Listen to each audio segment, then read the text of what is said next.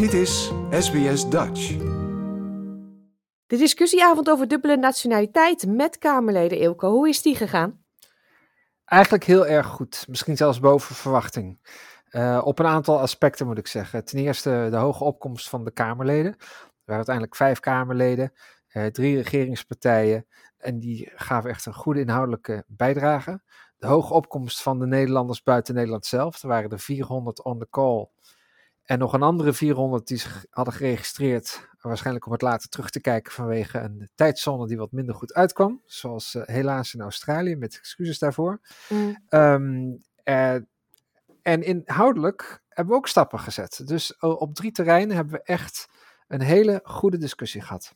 Ja, je zei drie regeringspartijen en twee andere. Dus VVD was er, D66, CDA, DENK en SP, hè? Ja, inderdaad. Hoe gaat het binnen zo'n partij? Hebben zij daar specialisten op dit gebied en die sturen zij?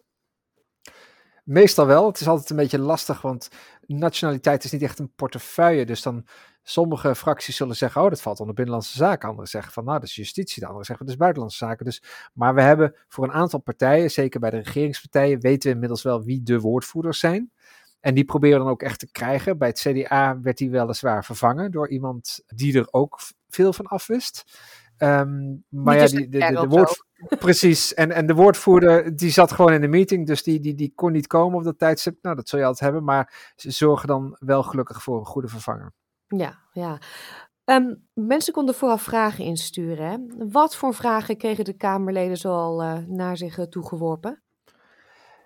Ja, inderdaad. We hebben veel vragen binnengekregen. Hartstikke fijn een aantal daarvan, een groot aantal daarvan moet ik mezelf corrigeren, was eigenlijk overlappend. Uh, bijvoorbeeld, waarom is de wet zoals deze is? En met name daarmee doelend op waarom is deze zo beperkend?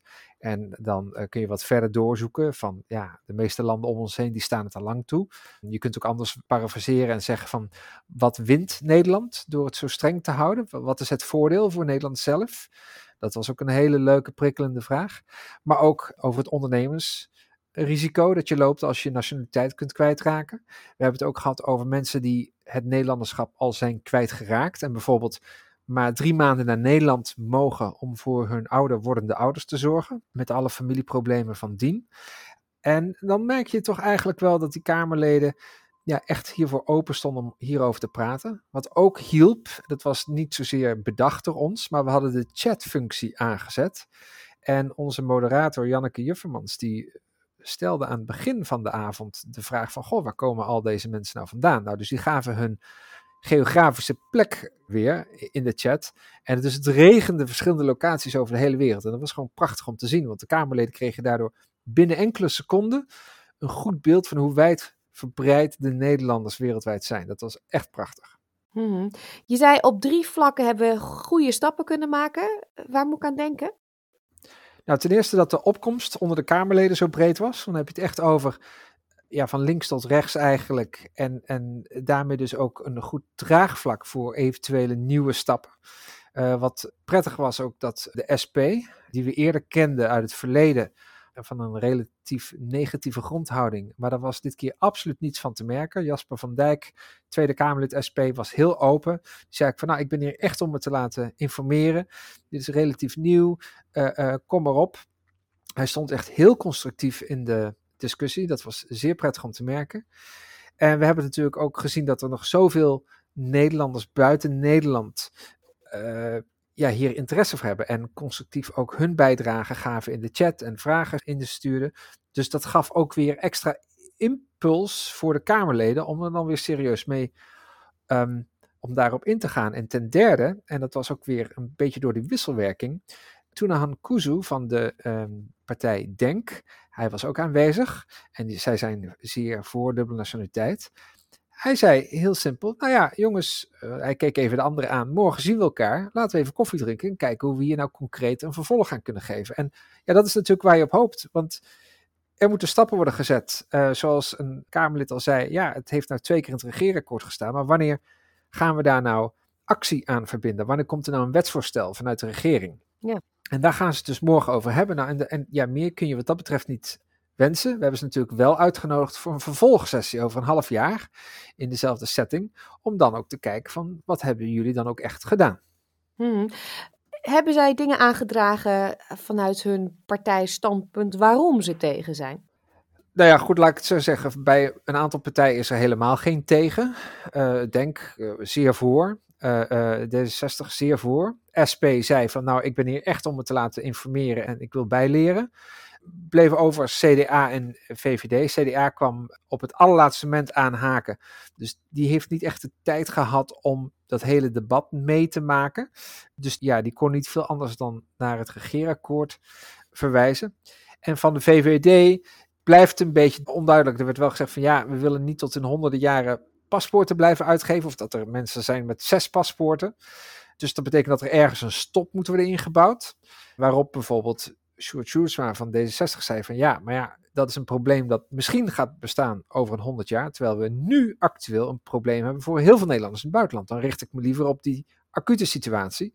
Nou, en, en zo ging dat door. Maar ik merkte, en dat hoorde ik later ook van Kamerleden, ik merkte toch wat beweging bij de VVD. Numeriek ook een hele zware factor binnen deze discussie, gezien het aantal Kamerleden dat ze hebben. En we hopen dus morgen dat ze buiten de, de, de schijnwerpers uh, een vervolg geven aan deze constructieve discussie onderling. Mm Ja, dus die koffiedate die komt er tussen de Kamerleden. Dat is een mooie, mooie opsteker. Zo'n zo'n man van de VVD, die hoor je dan eigenlijk een beetje hardop denken en misschien wat openstellen. Um, denk je dat hij het over kan brengen naar de fractie, naar de alle leden in de Kamer? Want ja, met één iemand binnen de VVD kom je er niet natuurlijk. Nou ja, we mogen natuurlijk hopen dat als iemand de vertegenwoordiger is binnen de fractie en dan deel gaat nemen aan de publieke discussie, dat hij daarna niet voor alle details weer opnieuw terug hoeft te gaan naar, naar de fractie. En dat alles wat hij dus eigenlijk zegt voorwaardelijk is tijdens zo'n discussie. Dus we gaan ervan uit dan wat hij daar zegt, publiekelijk zegt, dat hij dat ook gewoon namens de partij zegt. Mm ja. Uh, wat is jouw gevoel na deze avond? Ik ben positief en uh, ik ben blij dat we een aantal punten hebben om uh, opvolging te geven. Ik ben blij dat zoveel mensen zijn komen opdagen. Uiteindelijk uh, kijk, wij kunnen als stichting eh, zoveel doen als we willen.